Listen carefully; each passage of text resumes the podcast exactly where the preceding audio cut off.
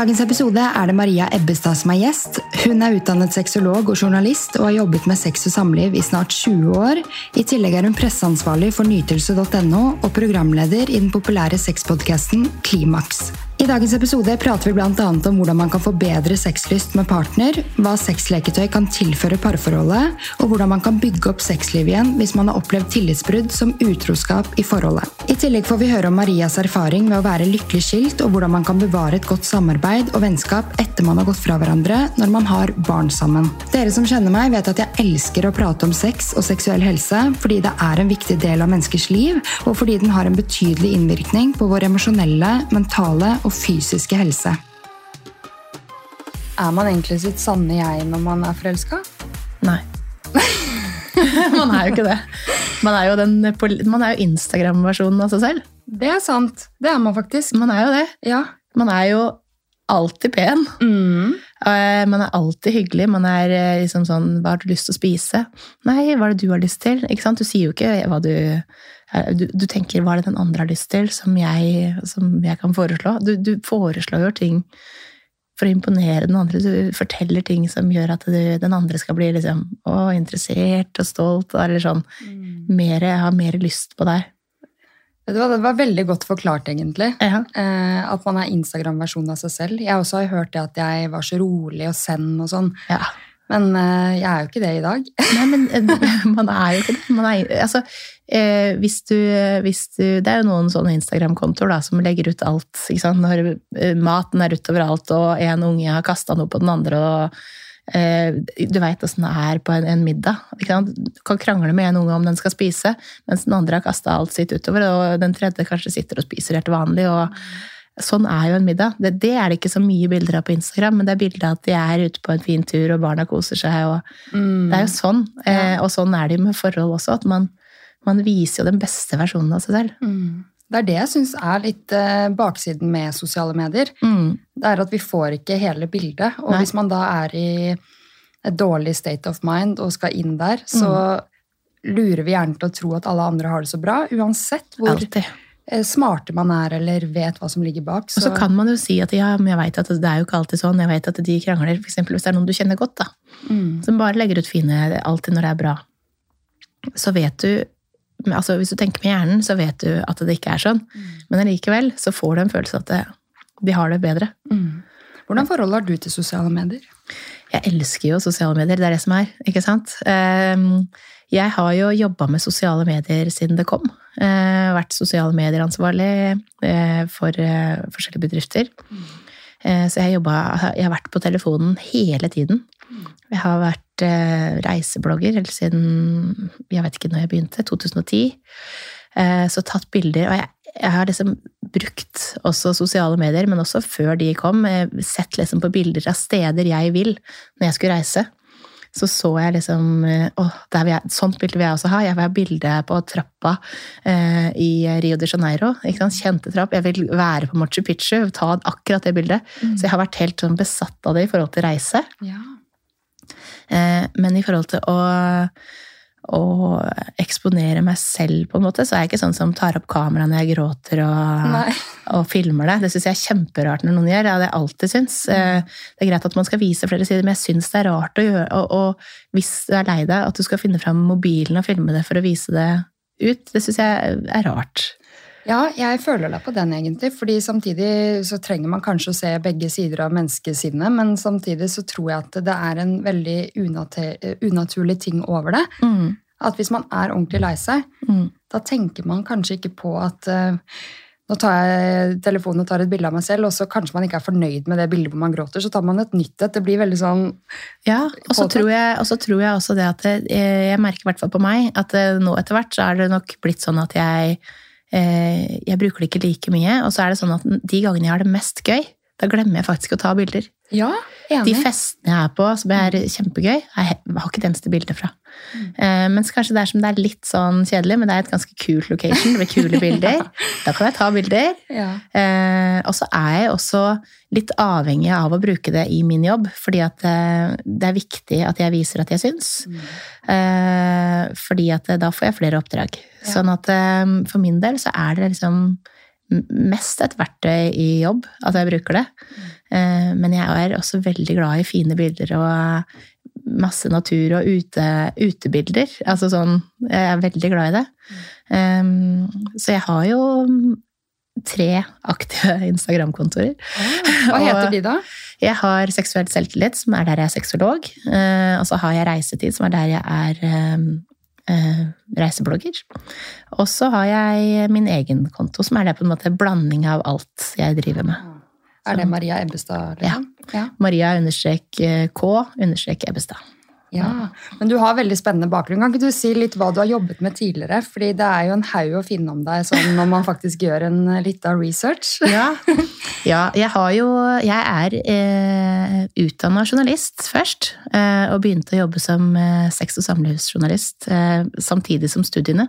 Så fikk jeg en sexspalte i FHM, som er et blad som ikke fins lenger, men for, eh, Husker du veldig godt. for deg som er liksom altså Alle som er liksom min generasjon, det var liksom det bladet som var liksom 90-tallet. Ja, ni, altså det var liksom På den tida så var det liksom For de damene også som kom på det forsiden der, det var liksom Det var jo, det var jo glamourmodelltida. Sånn at eh, jeg hadde en sexbolte der, hvor jeg eh, intervjua jenter på gata om forskjellige sexspørsmål. Mm. Eh, og så eh, og så, ja, så begynte jeg etter det eh, å jobbe med sexleketøy. Ble nettredaktør og presseansvarlig i Kondomeriet. Og har jo nå eh, jobber jeg som nettredaktør, altså ikke nettredaktør, men nå jobber jeg som presseansvarlig og sexolog for Nytelse. Som, er, som også selger sexleketøy. Nytelse.no. Ja. Og så har du blitt brukt som en del som ekspert og sånn i Ja. ulike mediekanaler, da. Ja, jobben min er jo å synes i media og snakke om sex og samliv i media. Og det har det da vært eh, helt siden eh, 2010, da. Tenk på det. Men hvor begynte denne interessen for sex og samliv? Den tror jeg alltid har vært der. Jeg leste alle sånne I Toppblad så leste jeg Mona Mikkel-spalten. Elska det. Jeg husker jeg hadde, var medlem i bokklubben, så var det sånn eh, Man fikk bøker som var eh, en som het Følelser, en som het Kropp er topp. Og det var sånn spørsmål og svar. Og jeg elsket var alle de tinga jeg lurte på, Ja. eh, som jeg fikk svar på. Eh, og det savna jo man litt før, i hvert fall. Og det fortsatt tror jeg det at man savner det i skole og med foreldre. At man, man ikke klarer helt å tørre å spørre om hva er å onanere, eksempel. Da. Så man ikke visste det. Um, og nå er jeg på en måte den spalten i voksen. Ja. nå svarer jeg på de spørsmålene. Eh, Så den har nok vært der alltid. Og jeg tror den uh, interessen for eh, og nysgjerrigheten på sex, den ligger i de fleste. eh, I større eller mindre grad. Eh, Men han har kanskje ligget i litt større grad for meg, da. Ja. Jeg husker jeg var eh, kanskje 14-15 år når jeg sa til mine foreldre at jeg skal bli sexolog. Mm. Eh, Jeg syns det er kjempespennende og har valgt liksom å skrive bachelor om det. Tatt en videreutdanning eh, på Oslo Met som ga bare 15 studiepoeng, men bare for å få litt sånn ekstra kjøtt på beinet, for det var ikke så mye av det på sykepleien. Noe jeg syns er eh, veldig rart, fordi den seksuelle helsen er et grunnleggende behov, på lik linje som aktivitet, søvn, sirkulasjon, altså mat, ernæring. Um, så jeg syns det var veldig lite fokus på det, så jeg ville bare få litt kjøtt på beinet. Og så, så har jeg også vurdert å starte en sexpodcast for mange år tilbake, men det mange kanskje ikke vet, er at du hadde jo en av Norges største sexpodcaster tilbake i 2017. Ja, jeg starta faktisk en podkast som het Naken da. Så da var jeg tidlig ute med, med sexpodkast. Eh, det var jo selvfølgelig Tusvik og Tønne, som vi jeg alltid har syntes har vært kjempekule damer. Som bare snakker sånn rett fra levra. Så det var nok veldig mye inspirasjon til dem. Eh, og så var det da å snakke om ulike temaer innen sex. Eh, og så bare være helt sånn rett fram om det. Sånn som, og også det som er så fint med podkast, er at du snakker jo til én. Du hører på podkast ofte alene. Så du eh, får også Du kan gå da med eh, AirPods i øra, og ingen hører hva du hører på, men du lærer kanskje en ny ting. Du får vite en ny ting om åh, det er derfor jeg har Det er derfor jeg ikke Det er derfor jeg smerter i underlivet, for eksempel. Kanskje har endometriose. At man finner ut av en del ting sånn eksempel at ni, eh, ni av ti kvinner trenger klitorisstimuli Ja. for å få orgasme. Eh, mens kanskje veldig mange menn der ute tenker at fordi jeg har sett porno. Eh, og damer også tenker at eh, penetrering er det som gjør at damene spruter alle veier, og det ser helt vilt ut, ikke sant? Men så er det ikke det som skal til, og så går man der ute og tenker at det er noe galt med seg selv fordi at man ikke har fått orgasme. Kanskje man faker orgasme. 60% av kvinner faker orgasme. Og det er høye tall, altså. Ja. Det er jo å gi eh, den andre Altså, det er jo en bjørnetjeneste, for at du lærer jo da, da bort helt feil teknikker. For den tenker at det her var det som fungerte. Eh, Så, så det er likt med podkast, at jeg bare kan snakke sånn rett fram om, om liksom alle ting som angår sex og samliv. Da. Mm. Podcast er en perfekt plattform. Tenker du at du har lyst til å eh, holde på med det i evigheter? Ja, Ja. jeg tenker det. Eh, og jeg er jo veldig heldig som får lov til å holde på med det. Jeg er veldig glad for at jeg, får lov til å, jeg har fått lov til å holde på med det så lenge. Eh, og etter Nå har jo den podkasten jeg har nå, som heter Klimaks, så den har jo vært i ganske mange år, den òg. Mm. Eh, og altså, det er jo vært en sånn egen liten reise gjennom podkast. Og så har podkasten på en måte forandra seg litt. Først så var vi to som snakka sammen, mens nå har jeg gjester, eh, og tar inn gjester som er ekspert på et tema, eller brenner veldig for et tema, eller kanskje eh, har en eller annen kink eller en fetisj som jeg syns er spennende å prate om, som jeg ikke kan nok om selv, som jeg syns er gøy at noen andre liksom kan mye om. Mm. Så nå intervjuer jeg mer, eh, selv om det også er mange samtaler med andre sexologer som vil svare på spørsmål fra lyttere, og har litt sånn type Mona Mikkel nesten Ja. i, i fortsatt. Klimaks har veldig varierte temaer. Ja. Dere er gode på det. Eh, Men kan du forklare litt eh, hvor viktig er den seksuelle helsen for oss, og hva handler egentlig sex om? Ja, altså eh, når vi har det, når vi har det bra Sex er jo et overskudds... eh, Altså det er jo noe vi har når vi har mye overskudd. Det er overskuddsbasert. Eh, Så hvis vi har det bra ellers, så gjenspeiler det seg ofte i sexlivet. Eh, Så, og det at eh, vi snakker om seksuell helse, snakker om ting som er utfordringer. Mange har utfordringer med forskjellig altså Det kan være alt fra sexlyst, det kan være smerter, det kan være før, under og etter fødsel. eh, Det kan være det at man bare har mista gnisten litt. Mens man, så gjennom hele livet så vil vi være innom alle de her utfordringene på, en, på et eller annet tidspunkt. Um, og så er det ikke alle som får alle, men veldig mange av oss kommer til på et eller annet tidspunkt å være innom det. Så det vil jo, sex er jo noe som angår alle, enten du har det eller ikke har det. Er det sånn at man kan måle et forhold i eh, sex, på en måte, hvor bra et forhold er? Nei, det tror jeg ikke du kan. Fordi at eh, for noen så vil det å ha sex én eh, gang i måneden være et kjempe, Og de har et kjempebra forhold, men de har én gang i måneden. Eh, det er et kjempebra forhold. Noen kan ha sex hver dag, men forholdet er ikke så bra. Eh, fordi at kommunikasjonen ellers, det er jo ikke bare det som at vi har sex sammen som gjør at forholdet er bra. Eh, Så jeg tror ikke man kan måle forholdet ut ifra hvor ofte man har sex, f.eks. Som mange tror at de, de der må ha det kjempebra, for de har sex eh, tre ganger i uka. Eller hver dag. Eh, Sånn er det ikke. Men hvorfor er det sånn at eh, man kan gå fra å føle seg som en veldig seksuell person, til at eh, sexlysten daler? Jeg vet at det kan være mange årsaker, enten man får barn, eller selv de som ikke har barn også kan kjenne på at eh, de ikke har hatt sex eh, kanskje tre ganger på et år. da. Mm. Hva er ulike årsaker til at sexlysten avtar? Det er jo mange ting eh, som eh, spiller inn på, som, som du sier, med barn er jo en av tingene. At det går fra å være bare to, eh, som er et par, til at det plutselig skal være et menneske til som man også skal forholde seg til, og som man skal bruke tid på. Så, og, så barn er jo eh, da veldig mange får den første duppen. Men man kan også få den før det. Eh, men det er eh, Gjennom livet da, så forandrer seksualiteten vår seg hele tiden. Så det man likte f.eks. når man var 18, det kan forandre seg når du er 30 eller når du er 40, og så kan du plutselig finne ut når du er 60 at du er BDSM-er. Altså, det, altså det, kan, det, det kan forandre seg. Fordi at det, eh, det skjer så mange altså Seksualiteten er i konstant bevegelse, da. Eh, og så er det også sånn at eh, det kan være stress, er jo en stor, eh, har jo en stor innvirkning på sexlyst. Så hvis man har fått en ny jobb, har mange nye oppgaver som er veldig krevende, tar mye tid, eh, så kan sexlysten forsvinne. Eh, Det kan også være det at man eh, har f.eks. sliter litt med ereksjon hvis man er mann. Eh, Den kan også plutselig begynne å, å liksom svikte litt, og da kan man også miste sexlysten. Ikke føle seg som helt sånn som mann, sånn som man vil føle seg.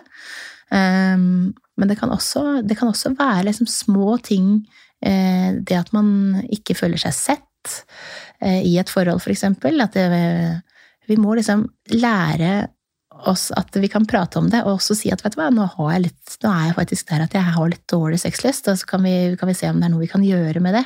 Mm. Uh, og det er, jeg fortsatt, jeg elsker deg, og jeg vil at vi skal være sammen, men jeg har liksom ikke lyst. Jeg er, jeg er sliten, eller jeg kjenner liksom ikke noe i kroppen. Hva kan vi gjøre med det? Og så er det en del nærhetsøvelser man kan gjøre med det. Særlig hvis man bestemmer seg uh, for at uh, vi ikke skal ha sex, da. Hvis det er en som har litt mer eh, lite sexlyst, så eh, bestemmer man seg for at vet du hva, vi skal ikke ha sex nå. Vi skal ikke føle et press på at vi skal ha sex. Eh, vi skal eh, massere hverandre. Vi skal være nakne, vi skal ta på hverandre og massere hverandre. Vi skal ikke ende med sex. Og når man ikke skal en ting, da får man ofte mer lyst. For det er noe med de tinga vi ikke får lov til. Ikke, så det er én øvelse for eksempel, man kan gjøre for å øke sexlyst. Ja, eh, men tenningsmønsteret, du sa jo det at seksualiteten endrer seg gjennom hele livet. Mm da sier det meg egentlig at man bør egentlig snakke om hvordan tenningsmønsteret har endra seg, særlig hvis man har fått barn. da. Særlig. Ja. Og, og, og, det er jo noe man må eh, ta opp, på en måte. Selv om man ikke får barn, så må man ta opp det litt innimellom. Vet du hva? Nå har jeg f.eks. hørt en podkast, og jeg hørte de snakka litt om eh, eh, sexleketøy. Ja. Det hørtes litt spennende ut, og så har kanskje den andre sagt noe sånne litt sånn nei, det, det, er bare for de som ikke får det til, eller kanskje har fått noen sånne kommentarer.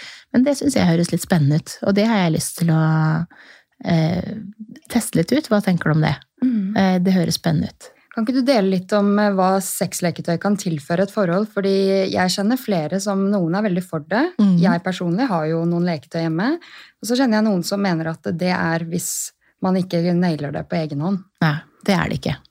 Eh, sexleketøy er, ting, er, til for å gjøre det som er bra, enda bedre.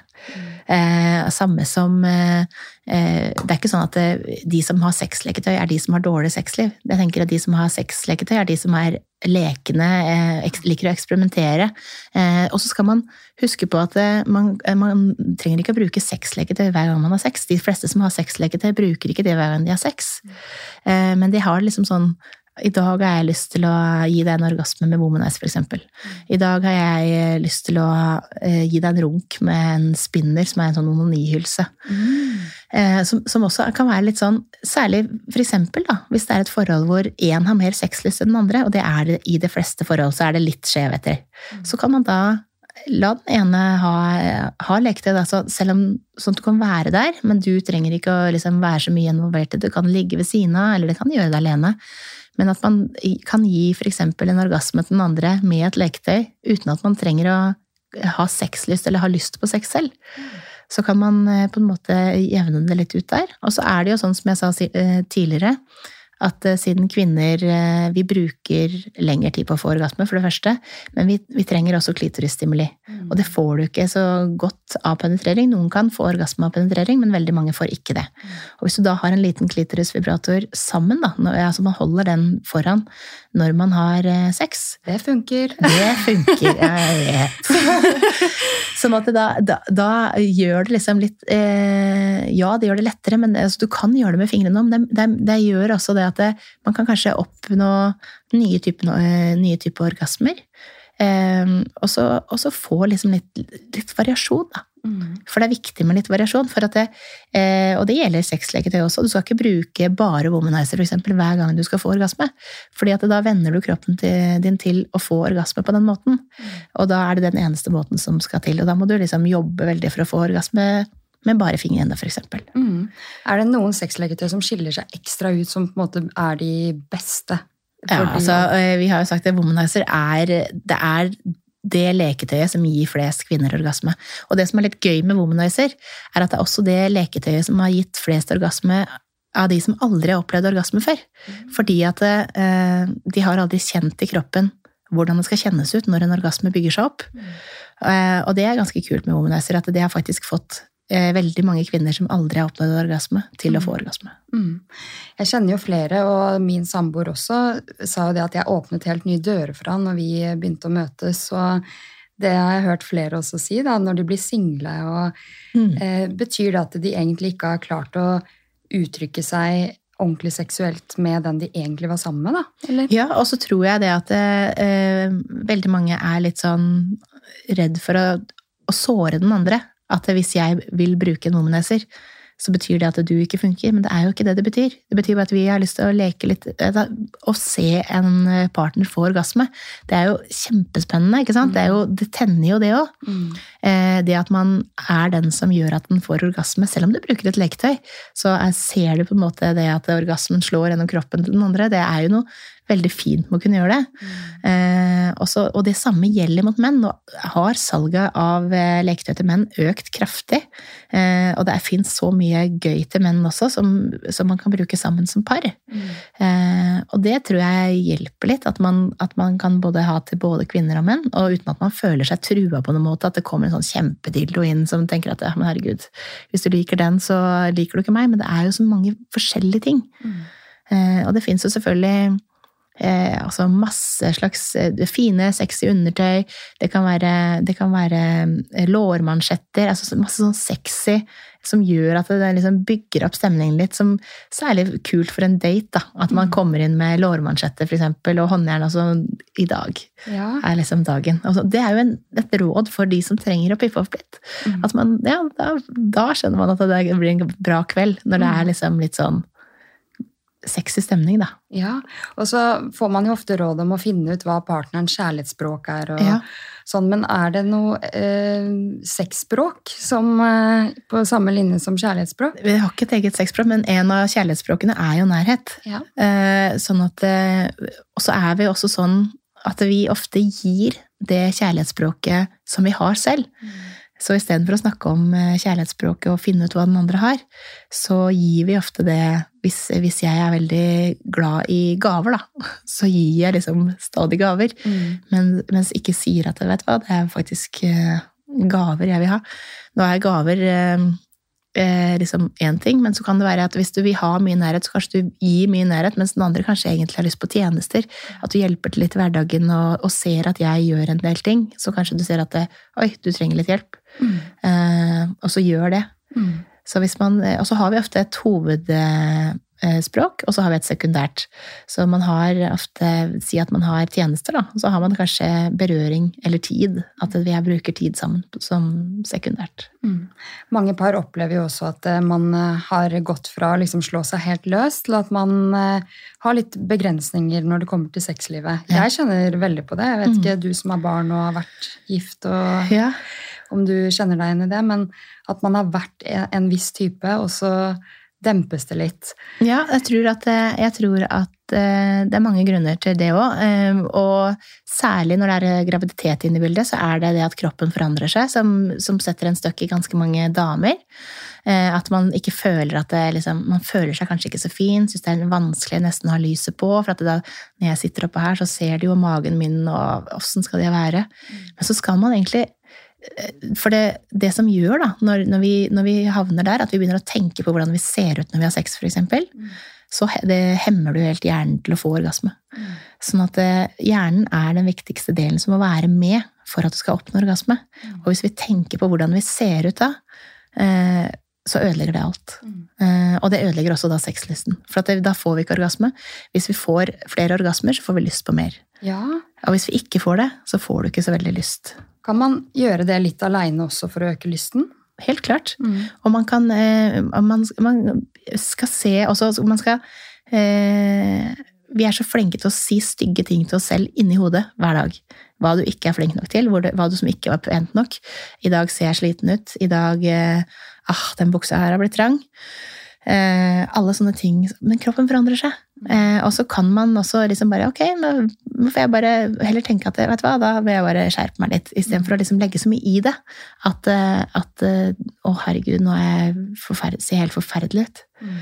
Men bare tenk at eh, hvis du skal bruke tid på det, så må du heller bruke tid på å tenke at ok, nå skal jeg faktisk skjerpe meg litt, nå skal jeg spise litt sunnere, skal jeg dra på trening kanskje én dag oftere. Mm. Eller begynne å dra på trening. Det, vi er jo forskjellige, alle gjør forskjellige ting.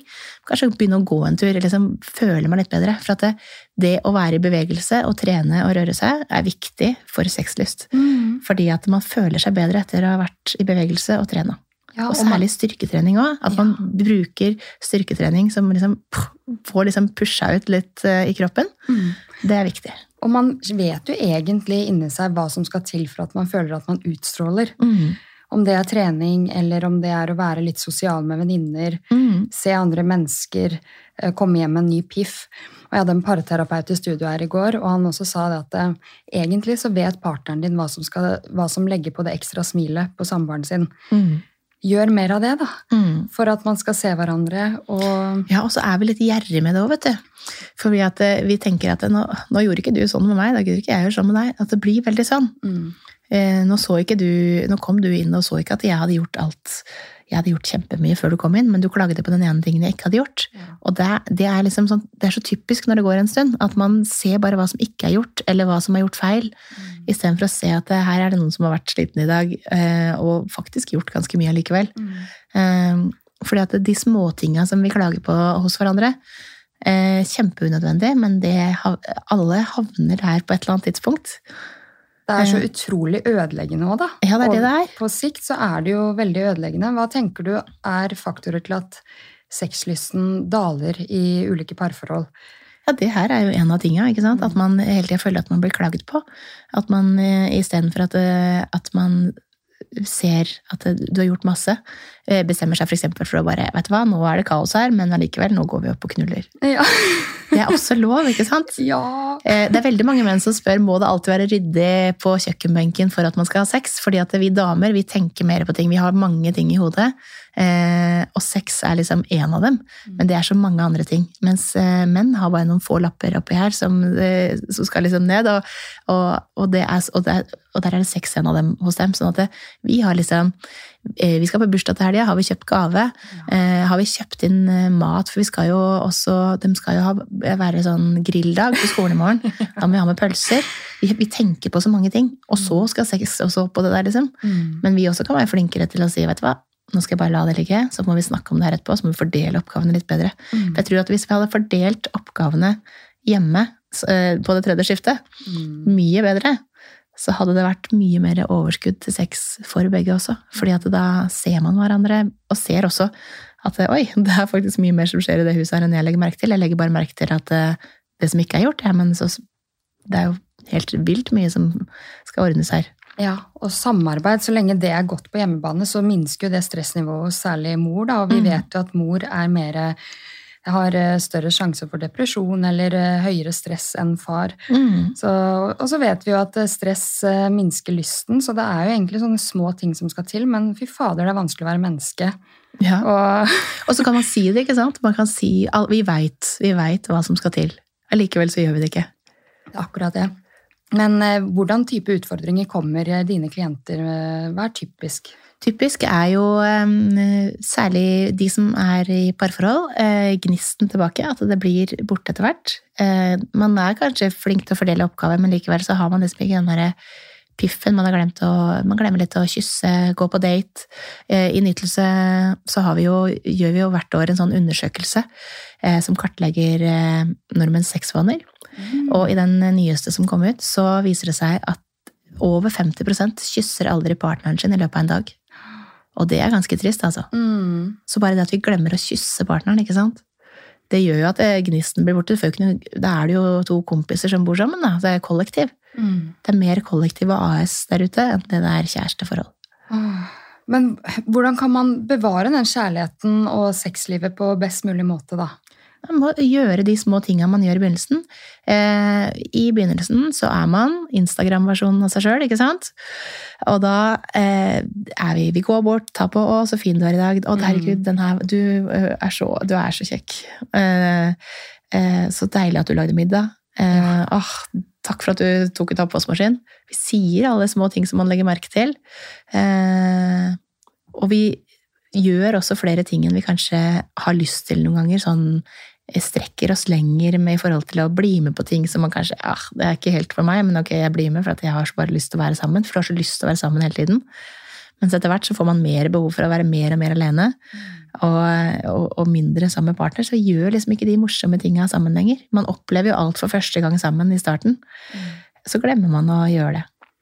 At jeg sitter og drømmer meg bort til liksom, ja, det var jo sånn en gang. Ja. Og så kan man få glimt av det i hverdagen eh, selvfølgelig innimellom. Og så er jo det så koselig når det kommer. Ja, men man savner at det er en en viss eh, kontinuitet i det. At Ja. ikke det svinger sånn. Ja, så man kan gå bort da, når noen, for vi lager jo middag hver dag, én lager middag hver dag, Eh, det er den ene eller den andre.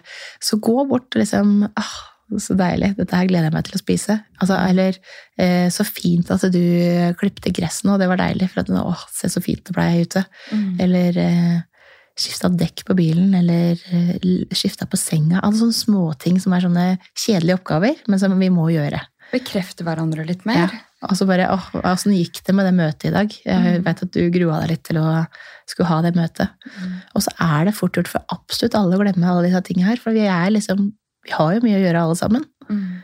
Men at man legger merke til litt flere ting, da. Ja. Det er det flest eh, krangler om, og eh, på en måte kommer og lurer på. Mm. Har du hatt noen klienter som har opplevd utroskap? Ja, det har jeg. Jeg er veldig interessert i det temaet her. Ja, Kan vi gå litt inn på det? ja.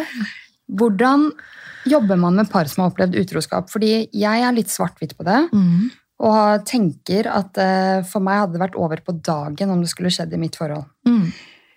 Eh, hvordan starter man med disse parene? Ja, de som er eh, de som det er ferdig med sånn som du, da, som ville da vil ikke du mer, da er de jo ferdig. Eh, og det er, også, det er også greit, hvis man, det her er no go for meg. Jeg vil ikke hvis noen er utro, og det, det er helt lov. Men så er det jo også mange par som eh, opplever utroskap, som har lyst til å jobbe med det. Kanskje begge har vært utro, eller kanskje én har vært utro. Eh, og så har man lyst til å finne ut av det, for det her var en, et engangstilfelle. Den angrer på det, vil at forholdet skal fungere, og er kjempelei seg for det. Da er det viktig at den som har vært utro, lar den som har, vært, eh, som har blitt uh, Altså den andre, få bruke så lang tid den Mm. altså, trenger for å komme over det. Eh, og så må man jobbe gjennom det sammen. Eh, snakke om det. Noen har behov for å vite alt hva som skjedde. Andre vil ikke vite noen ting, men vil heller at du, du skal slette alt med denne personen. Det skal, ikke, det skal ikke være kontakt i det hele tatt, men jeg, eh, hvis du skal ut fra nå, så vil jeg ha melding, jeg vil ha bildebevis, jeg vil ha liksom, bekreftelse på at du er dems. Eh, og så er det her en sånn vond klump i magen som kommer til å vare lenge. Fordi man, det er vanskelig å bygge opp en tillit igjen, men det er mulig. Men hvordan er det man bygger opp da et sexliv igjen eh, hvis tilliten er skadet? Ja, da Da er det viktig å ikke Jeg tenker at man skal ta det rolig med det sexlivet med en gang. Ja. Og heller bygge opp tilliten først. Eh, fordi at det, det, kommer, det kan komme tanker opp ikke sant? mens man har sex. Åh, åssen var den andre? Eh, så hun ut, eller han ut? Eh, er jeg bedre, er jeg dårligere? Det kan, det kan skade veldig. Det, det å, å oppleve utroskap er jo en traume. Så det er jo en ting man må jobbe gjennom, og gjerne Jeg tenker at det, på et sånt, eh, i et sånt tilfelle så bør man ha en parterapeut eller sexolog som man jobber med, eh, og prater og forteller liksom Setter ord på det man føler. For man føler så forskjellig eh, i den situasjonen når man opplever utroskap. Noen kan eh, skjønne det kjempegodt, for vi har hatt det kjempedårlig lenge, og jeg hadde også egentlig lyst til å være utro. Eh, noen kan bare Det kommer helt ut av det blå, og det er sjokk, og bare føler, seg, føler seg fæl og stygg, og åssen kunne du gjøre det her? Vi har barn, for eksempel. Åssen kunne du gjøre det her mot forholdet? Um, men det ligger Altså, det er, det er mange som er utro. Og det er utro med noen også, så det er ikke sånn at det er bare menn er utro, eller bare sånne typer er bare utro. Og jeg tror at det, man må også jobbe hele tiden med forholdet og snakke, være åpen i kommunikasjonen. Og det har for veldig mange mye å si. Eh, sa de det med en gang? Fant du ut selv? Var det du som fant det ut? Eh, eller var det noe som kom lenge etterpå? Det er mange liksom, spørsmål her som, som, har, eh, som, har, innvirkning på hva eh, avgjørelsen blir, da, om å fortsette i forholdet eller ikke. Jeg tror absolutt man kan komme gjennom det. Og det er mange eksempler på folk som har kommet gjennom det og kommet sterkere ut av det på andre siden. Eh, det var en knekk der i det forholdet, og fra det så må man jobbe videre. Da tror jeg man er veldig forskjellig på lik linje som alt annet. Men tenker du at eh, det man ikke vet, har man ikke vondt av? Eller at eh, man skal eh, Man har så vondt av det man har gjort, at man bør fortelle det?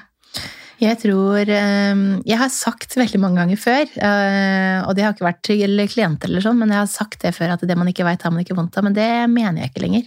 Mm. Og så tror jeg det at det, i hvert forhold så må de snakke om det. Hva er, hva er for det første, hva er utroskap for deg? Er det å sende meldinger med noen? seksuelle meldinger eller kjennebare meldinger har fast kontakt med noen andre? Er det å ligge sammen? Er det å kysse sammen? Er det å ha en flørtende tone? Det må man først avklare. Eh, og så må man også avklare at hvis jeg eh, er på byen og kysser noen andre, vil du at jeg skal si ifra, eller vil du at jeg bare ikke skal vite det? Ja, at man avklarer i sitt eh, forhold. I, I, sitt forhold, For det er så forskjellig hva vi tenker om det. Mm. For noen så er det utroskap å snus etter noen på gata, nesten. ikke sant? Det, eh, mens for andre så Ja, de kyssa bare kjapt på byen, det var ikke noe greie. Ja, jeg kjenner overraskende mange, og til og med noen som har lytta på podkasten, som sender, har sendt meg melding på DM da, før mm. jeg logget av sosiale medier, mm. eh, hvor de deler sine ting i parforholdet sånn, fordi jeg selv har valgt å være åpen om parterapi og sånn. da. Mm. Men både venner og folk jeg ikke kjenner, har delt at de ser på porno som utroskap. At hvis mm. det skjer én gang til, så går de. Hvorfor tror du porno er så triggende for mange, og særlig jenter? da, som... Jeg tror at uh, det kommer nok litt an på hvor ofte det blir brukt, da. Um, og hvis du ser på porno istedenfor å ta på kjæresten din.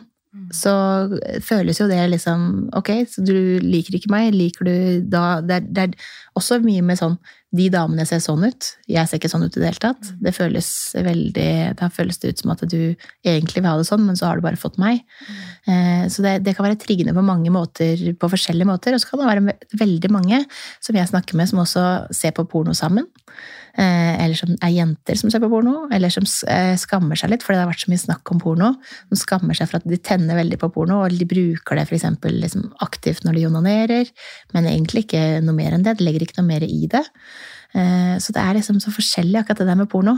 Jeg er ikke en av de som er imot porno, f.eks., men altså sånn at, altså det er en helt egen greie med bransjen, at det er shady bransje, men det fins mye liksom, etisk porno som lagd av kvinner for kvinner, altså, som er etisk. Eh, og det fins Onlyfans nå, der, der, får de eh, pengene selv.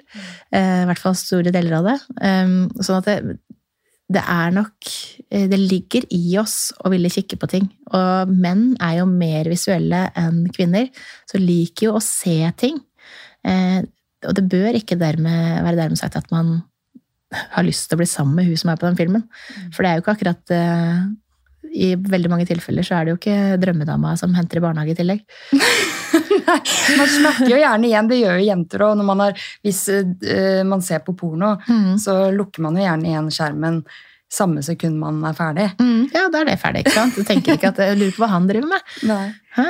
Det, jeg vet jo at man tenker sånn at det ikke er kvinnen i mitt liv, selv om man eh, tenner på det, men det er jo også litt sånn De jentene som er med i disse De er jo mennesker, de òg. Ja. Sånn, kanskje de er sykt bra personer, men Ja, ja, for all del. Ja. Selvfølgelig. Så det er jo litt sånn brutalt når jeg hører samboeren min eller andre kompiser eller jenter for så vidt, er sånn åh, jeg bare må lukke en skjerm med en gang. Mm. Fordi eh, da blir det bare øh. Men så er det sånn Shit, det der er jo Et menneske, ja. ja det er det. Og Vi, men, men, det at man bruker det bare som en sånn en lystfremmer, da, for, ja. å, for å komme. Og gjerne komme raskere, da. Mm. For man kommer raskere med noe man ser på i tillegg, enn det man eh, så er vi damer flinkere til å komme av flere ting. Vi kan lese erotiske noveller og, og få orgasme. Ja. ikke sant? Så vi er jo flinkere til altså alt fra husmorsporno, det har jo vært i årrekke, ikke sant. Mm. Så eh, vi er jo flinkere til å sette oss inn i bilder som vi ikke ser også. Altså kan lese ting, eh, kan tenke ting. Mye flinkere til det enn menn, som liker å se. Her er det en fitte. Her kommer det en pikk. Fantasi pluss womanizer er ikke dumt, det heller. Nei, det hjelper. Det, det kommer langt med det, altså. Ja, Men vet vi noe om ulike årsaker til hvorfor eh, folk er utro? For jeg bare føler at det, til og med Eh, de som kan føle seg tilfreds i et forhold, kan også ja, altså Det kan jo være mange grunner. Det kan eh, være eh, helt fra barndommen trenger bekreftelsesbehov. Eh, har aldri hatt så mye bekreftelse. Trenger liksom at det, en bekreftelse fra mange om at det, du er bra, du er deilig. Eh, det kan være en av grunnene. Eh, det kan være at det at man har på en måte en litt sånn ikke helt avklart situasjon med hva som er utroskap. At man bare Ja, det var ikke noe Det var jo ikke noe greie. Jeg har ikke noen følelser den veien, men vi bare hadde en greie. Så jeg tror at eh, det er flere grunner til at man eh, er utro enn det man kanskje tenker over, da. Eh, sånn at det, det er ikke alltid at det, det er drittforhold, liksom, Nei. som er grunnen. Men Og så er det noen ganger det bare skjer, ikke sant? Det er mange som bare er på byen, og så var drita, for eksempel, og så bare Vet du hva? Husker det ikke engang. Jeg vet, men jeg vet at det på en måte kan være sånn julebordsutroskap Mm. eller engangstilfelle eller et langvarig Utroskap. Det er, Ja. det er det som er forskjellene, ikke sant.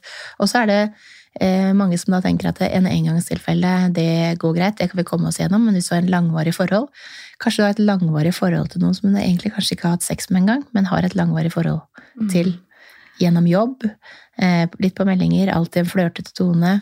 Kunne egentlig nesten ligge, føler nesten at man ligger med hverandre, for at man vet alt hva den andre tenner på, for det har man skrevet om eller snakka om på telefonen. Så det er mange typer forskjellig utroskap. Og så er det mye mikroutroskap eh, i form av sosiale medier. Liker eh, bilder, sender kanskje litt meldinger. Sånn 'Å, du var fin'. Eh, masse sånn. Som også trigger veldig mange. Eh, Det at man følger bare kontoer med som du helt klart skjønner er fordi at du er deilig. Det er ikke fordi at du er så spennende person.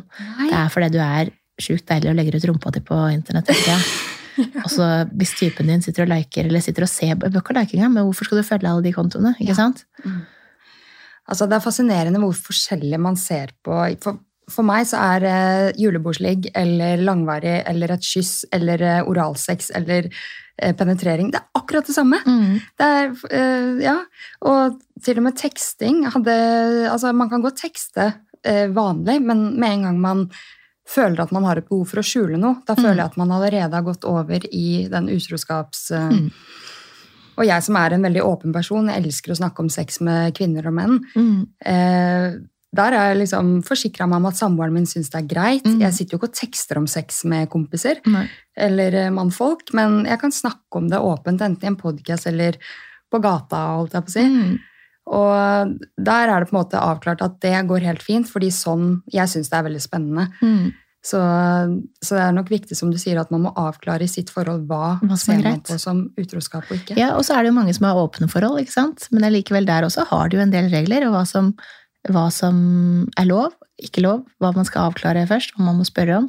De er nok flinkere til å snakke i de forholdene eh, som er åpne, eller swingers, eh, enn det de er i vanlige monogame forhold, som ikke da er monogame, for det ene er utro. Mm. Tenker du at vi er opplært til at vi skal være monogame i det samfunnet vi lever i? At vi egentlig er ment for å være med flere og sånn, Ja, eller? jeg tror eh, det. Det er eh, mye, mye moral eh, som eh, kommer inn med at, eh, at, man ikke, at man skal gifte seg, leve sammen for alltid. eh, Ikke sant? Ehm, Og, og, og at det er det som er liksom A4, sånn skal det være forholdet. Og så føler man da, når man havner utafor, som veldig mange gjør, eh, at man da er litt mislykka. For du fikk det ikke helt til. Og så, tror jeg jo at det ikke Det er jo ikke sånn at det er én for alle. Det er mange for alle. Eh, og vi møter de vi trenger på en måte, i, på, måte i, på veien i livet, da. Mm. Eh, så selv om én var kjemperiktig når man var 20, så er det ikke sikkert at den er så riktig når du er 35 Mm. eh, eller 40. Men sånn som begjær, tenker du at det er fint å trigge begjæret litt? Ja, altså det, det er, jeg tror at det er viktig å, for å holde den gnisten oppe, da, at man, at man fortsetter å pynte seg for hverandre og gjøre seg fine for hverandre og, og kjenne litt på konkurranse er ikke noe farlig. Eh, jeg syns ikke det er noe jeg synes liksom ikke det er noe eh, eh, Det at noen andre prøver seg på kjæresten, det er liksom ikke noe, det betyr jo bare at han er flott. Man, Mm. bør ikke, man trenger ikke å tenke på at det, å fy fader, jævla bitch.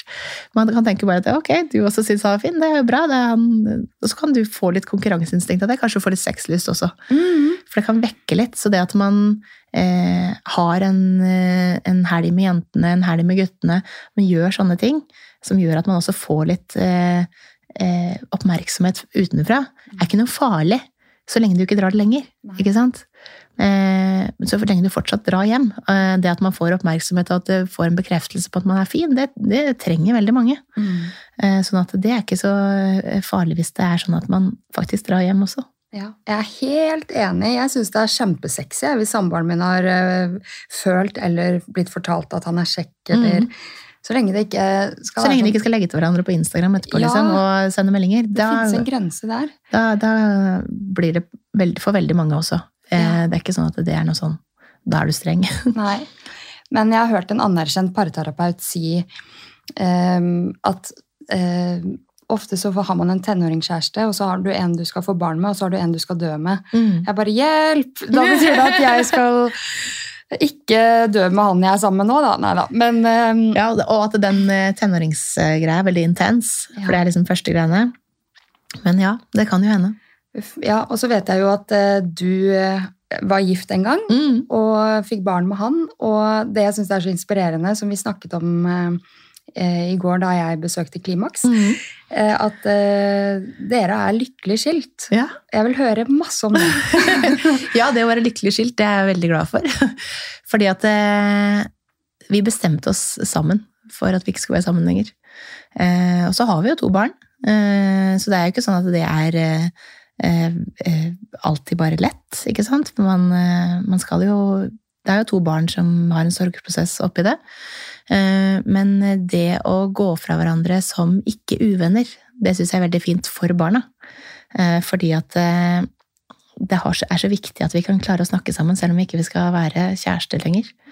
Eh, og gift. Fordi at eh, det er så mange som har det så trist med at de enten ikke snakker sammen, eller har skikkelig konflikt, sånn at man eh, har familievernkontoret inne i bildet og må snakke gjennom andre instanser.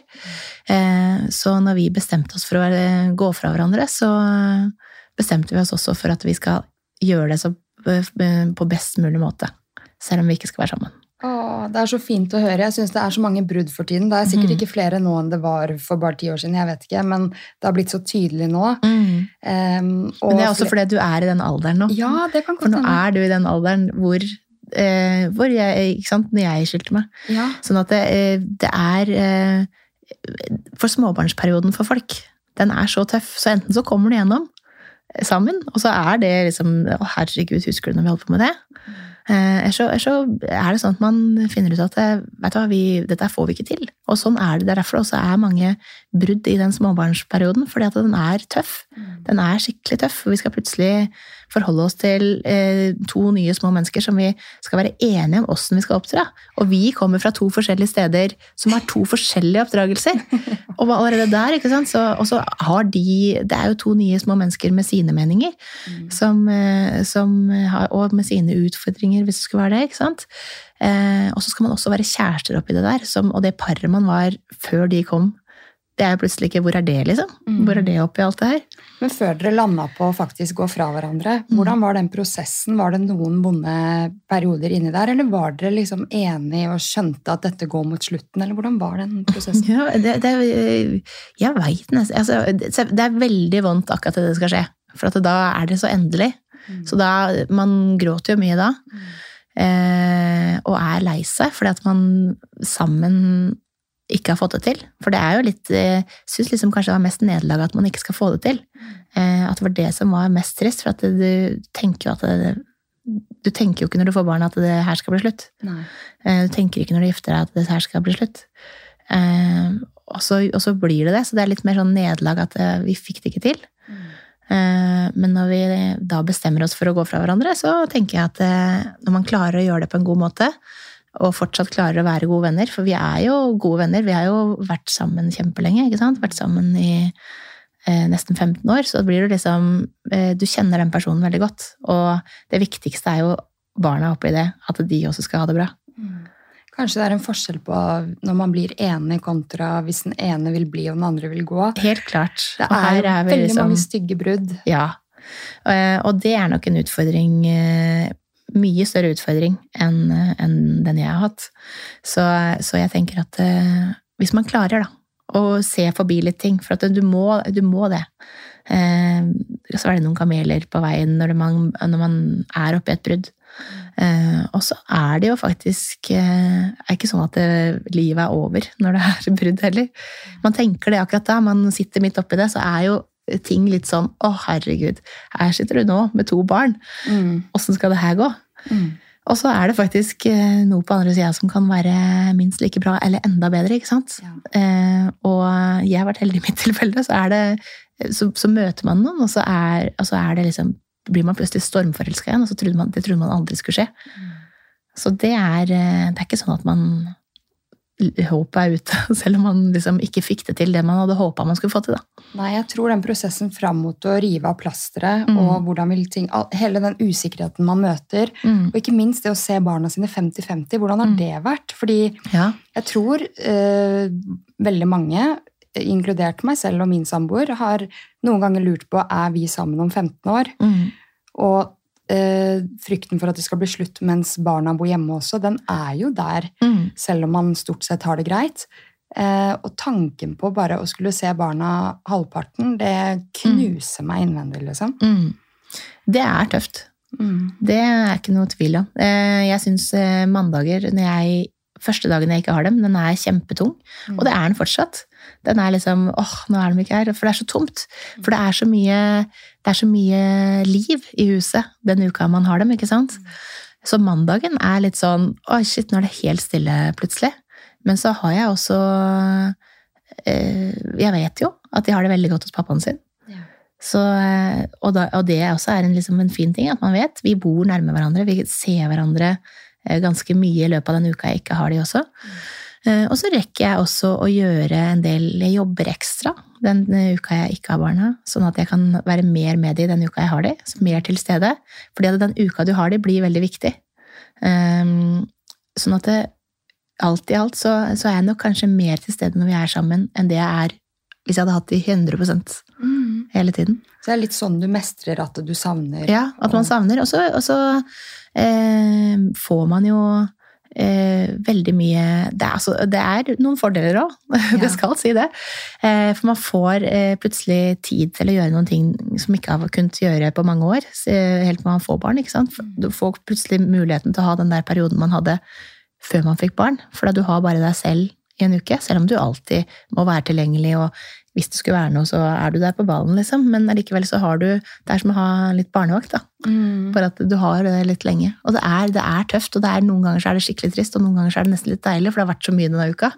Ikke sant? Så kanskje det var litt sånn åh, det er faktisk lov å si at det, det er deilig å være litt alene noen ganger, ikke sant? Absolutt. Og hadde, du, hadde dere fortsatt vært sammen, så hadde du hatt sånne dager likevel, hvor du mm. hadde tenkt nå trenger jeg å være for meg selv. Ja, og, og som er deilig. Og det er lov å si. Jeg, jeg tror folk er litt for redd for å si at åh, det er sjukt deilig å bare være aleine. Mm. For man, man er ikke noen dårlig forelder, selv om man syns det er deilig å være aleine òg. Nei, jeg tror det ligger forankra i oss at vi har behov for å Vi er jo egne personer, Mm. og plutselig så setter vi andre mennesker sine behov foran oss selv Foran. over mange år. Ja, ja, ja. Så de der små lommene, å fylle de med å bare være Maria, liksom, eller bare være Tina eh, Den man liksom var før man fikk barn, Mm. det, det er jo bare fint. Mm. Men dårlig samvittighet er jo et, kjent uh... Ja, man, får, eh, man, man har dårlig samvittighet eh, både fordi at man ikke fikk det til, eh, så den, den slår plutselig over, og så kan den også bli borte, og så kan den komme tilbake igjen. Er det noen ganger at du kan si åh, kan ikke en av ungene bare sove hos meg i natt? Ja, nei, jeg, jeg prøver å la det være. Men vi har bytta noen ganger å gjøre det. Ja. Beklager, måtte bare hoste litt. Men eh, vi har også sånn at vi bytter at eh, nå kan jeg ha én, og så kan du ha den andre. Det Ja. gjør vi også. Vi, vi prøver å være, hjelpe hverandre veldig mye. Hvis den uka som er min, det havner en eller annen jobbting der, så kan vi bytte dager, Mm. og motsatt. Um, sånn at vi prøver å legge til rette sånn at vi, når vi har de, så, skal vi, så er vi der, på en måte. Eh, Ja. Så den uka man har, blir jo veldig viktig. Mm. Det virker som at samarbeid og kommunikasjonen er veldig bra, og det er Mm. veldig inspirerende sikkert for mange å høre. Mm. Eh, Men hvordan kommer man seg dit? Har du noen råd der? Fordi det er så mange som ikke klarer å legge ego til side, og de bare kjenner på at eh, de er aktiverte, de, de skal ha hevn, de Mm. Det må være veldig slitsomt å leve sånn også over tid. Ja, jeg tror at det er veldig mange sant? Hvis du ser på, det er veldig mange som lever i forholdet for barna sin skyld. Sier at det er for barna sin skyld. Barn merker veldig mye. Så barn merker når det er dårlig. Eh, og hvis du skal ha barna som fokus, enten du bor sammen eller, eh, eller er skilt, så må du ha det også når du ser den andre parten. Hvis du, den kan, du kan bli så, synes den gjør så mye dumme ting som bare helst. Altså, det er jo en grunn til at man skiller seg, og man er jo forskjellig.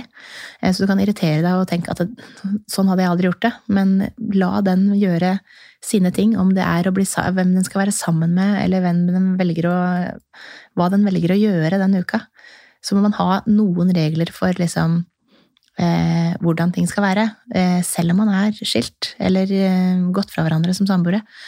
Eh, men, men utover det så tror jeg man eh, må bare tenke på at det, for barna sin del så er det ikke noe vits i at jeg driver og er slem mot eh, og sier stygge ting om pappaen. De får jo ikke noe godt ut av det. Nei, det er det. Vi vet jo at eh, barn og ungdommer får med seg mye. Ja, kan jeg heller, hvis, hvis jeg er irritert på noe, kan jeg si det til en venninne. og si at «Åh, herregud, tror du ikke det var sånn når jeg, altså, Eller si det til en ny kjæreste. Eller, altså, si sånne ting. Men, men ikke ta det foran barna eller til barna. Og, og, ikke sett, eh, hver, sett ting opp mot hverandre. Um, og ikke snakk gjennom barna heller. Nei, over hodet på dem. Eller gjennom. Nei, altså gjennom dem. Si, eh, det her kan du si til pappa, eller ja, det her sånn, kan du si til mamma, Mm. eller sånne ting. Mm. Sånn at man liksom sender beskjeder gjennom, gjennom eh, barna. Mm. Man, de voksne må være de voksne. Ja, jeg er så enig, og jeg merker selv nå som barna mine har begynt å forstå språk. Altså, de prater, man merker når de reagerer på eh, litt dårlig stemning. Eller, Barn merker stemning. Sånn Ja. det, og det var det som også var en av grunnene som jeg tenker er viktig. Jeg vil at eh, de skal se god stemning. Mm. Jeg har aldri hatt noe mye krangling eller noen sånne ting, vi. Men jeg vil at de skal se veldig god stemning istedenfor å ikke se noe stemning eller se dårlig stemning. Mm. Jeg er Eh, helt enig, og det er faktisk min største motivasjon. Eh, Vi er jo fortsatt sammen, og de er små, men de forstår så mye at det, det Selvfølgelig hadde man lyst til å bare rage ut til partneren sin noen Mm. ganger, men jeg merker at det, det koster mer enn det smaker Mm. å skulle gjøre det hvis de barna barna får det med seg. Ja, ja, ja. Og jeg kunne bare ønske at eh, de fleste klarte det, da, å sette det egoet til side for å Mm. få frem sin sak, fordi dette kan føre med barna i lang, lang tid. ja, ja, ja. Um, men det har vært skikkelig inspirerende å høre, men jeg må bare høre også, fordi dere har jo en ny partner på hver sin side, hvordan har dere på en måte avtalt der, og eh, ja, har det vært sårt? Eh, hvordan Nei, jeg syns ikke det har vært sårt i det hele tatt, faktisk. Men eh, vi hadde Før vi gikk fra hverandre, bestemte vi oss at vi skal ikke involvere barna i når vi møter noen nye, før vi har bestemt oss for at det er noen vi skal være sammen med. Eh, Det tror jeg er viktig. Det er ikke noe vits i for barn å møte en eh, haug med dates som man har vært på, eller noen som man har holder på med i 14 dager, liksom. Det eh, trenger man ikke. Eh, det, det er nok eh, med at det, det er et brudd. Det er liksom en traume nok for barna. At det, at de, de bør ikke møte masse nye mennesker på veien. Så at vi, vi venta begge to med å introdusere før det er noen man skal faktisk være sammen med. Og så eh, er jo det kjempebra at de har det bra der, tenker jeg. Jeg gidder ikke å tenke noe mer eh, på det. Så lenge den andre er hyggelig med barna, så er det det viktigste for meg.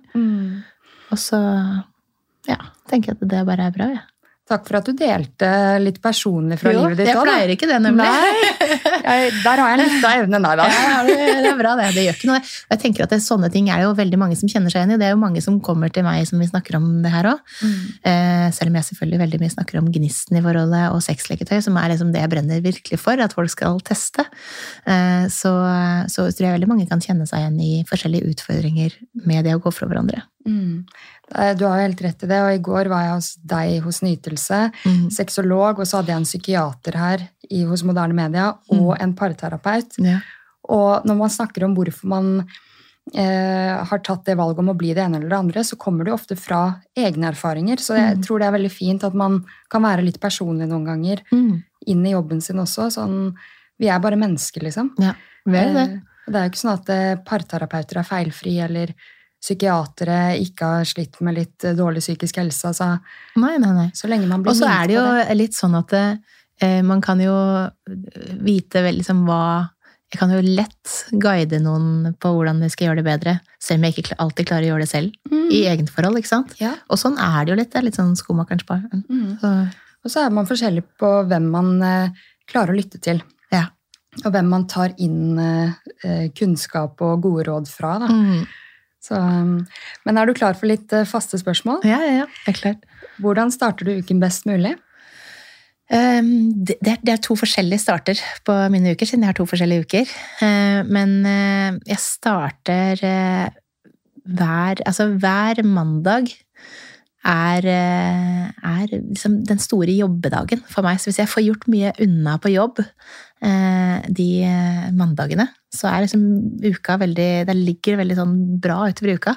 Og så har jeg jo da eh, barn annenhver mandag. Ja. Så da er det, starter den litt uh, hektisk. og så starter den veldig rolig den andre, men da veit jeg det skal bli hektisk den ettermiddagen, for da kommer de på ettermiddagen. Så, men, men så lenge jeg har liksom fått gjort mye jobb på mandag, så start, er liksom det en bra start. Ja. Du er jo småbarnsmamma, du òg. Jeg er småbarnsmamma. Hvor gamle er de? De er fire og syv. Så det er ganske hektisk, eh, men det er jo noe kos med den hektiske greia, altså. Ja. Jeg liker det. Det er mange som mener at man setter livet på pause når man får barn, men jeg mener jo at er, vi er midt i livet nå. Ja, ja, ja, livet er. Jeg elsker å liksom opp, Du føler liksom at du eh, eh, opplever en del ting på nytt igjen. Sånn som du husker fra da du var liten. så bare Du lever litt på nytt igjen eh, gjennom barn. Ja. Få være med på Hakkebakkeskogen hvis det skulle være det. da, ikke sant? Altså bare Kan du alle sangene og er liksom Det er litt sånn å være i Dyreparken eller liksom gjøre noen forskjellige ting, så blir det sånn plutselig gøy igjen. Ja, elsker det.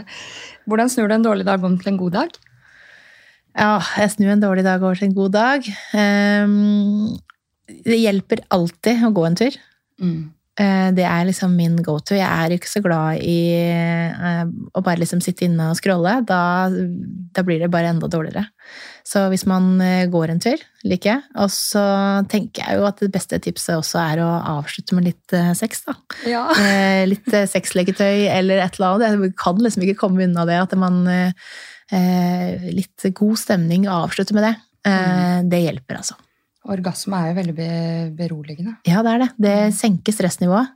Så um, jeg tror at hvis man på en måte har en dårlig dag, har krangla med kjæresten eller samboer eller den man er gift med, så tror jeg at hvis man klarer å ende med å komme dit at makeup-sex, det er noe eget med, skjønner du. Skal ta den med meg inn i Ja, inn i dagen. uka og dagen. Gjør det. Ah, Hva er du takknemlig for? Mm, Jeg er takknemlig for at jeg får lov til å drive med det jeg liker. Eh, Jeg elsker eh, jobben min, eh, og jeg elsker at den er såpass liksom tilrettelagt for at jeg får til å ha et bra liksom, familieliv ved siden av. At jeg kan legge opp dagene mine litt sånn som det passer. De ukene jeg har barn, og de ukene jeg ikke har barn. Eh, Det er jeg veldig takknemlig for. Hva inspirerer deg? Jeg blir inspirert av, eh, av andre. Jeg blir veldig inspirert av, av eh, litt tøffe damer. Det gjør jeg, som, som som, tør å være litt sånn Som tør å være litt frekk og tør å være litt uh, frampå og kule. Eh, blir veldig inspirert av det. Jeg blir også veldig inspirert av konkurranse. Eh, kjempekonkurranseinstinkt. Sånn at eh, hvis jeg kan, enten i jobbsammenheng eller ellers, altså hvis, det er en slags at jeg føler en konkurranse, så blir jeg veldig god. For da blir jeg veldig sånn skjerpa, og da veit jeg at det, det her skal jeg klare. Så jeg blir inspirert av konkurranseinstinktet mitt.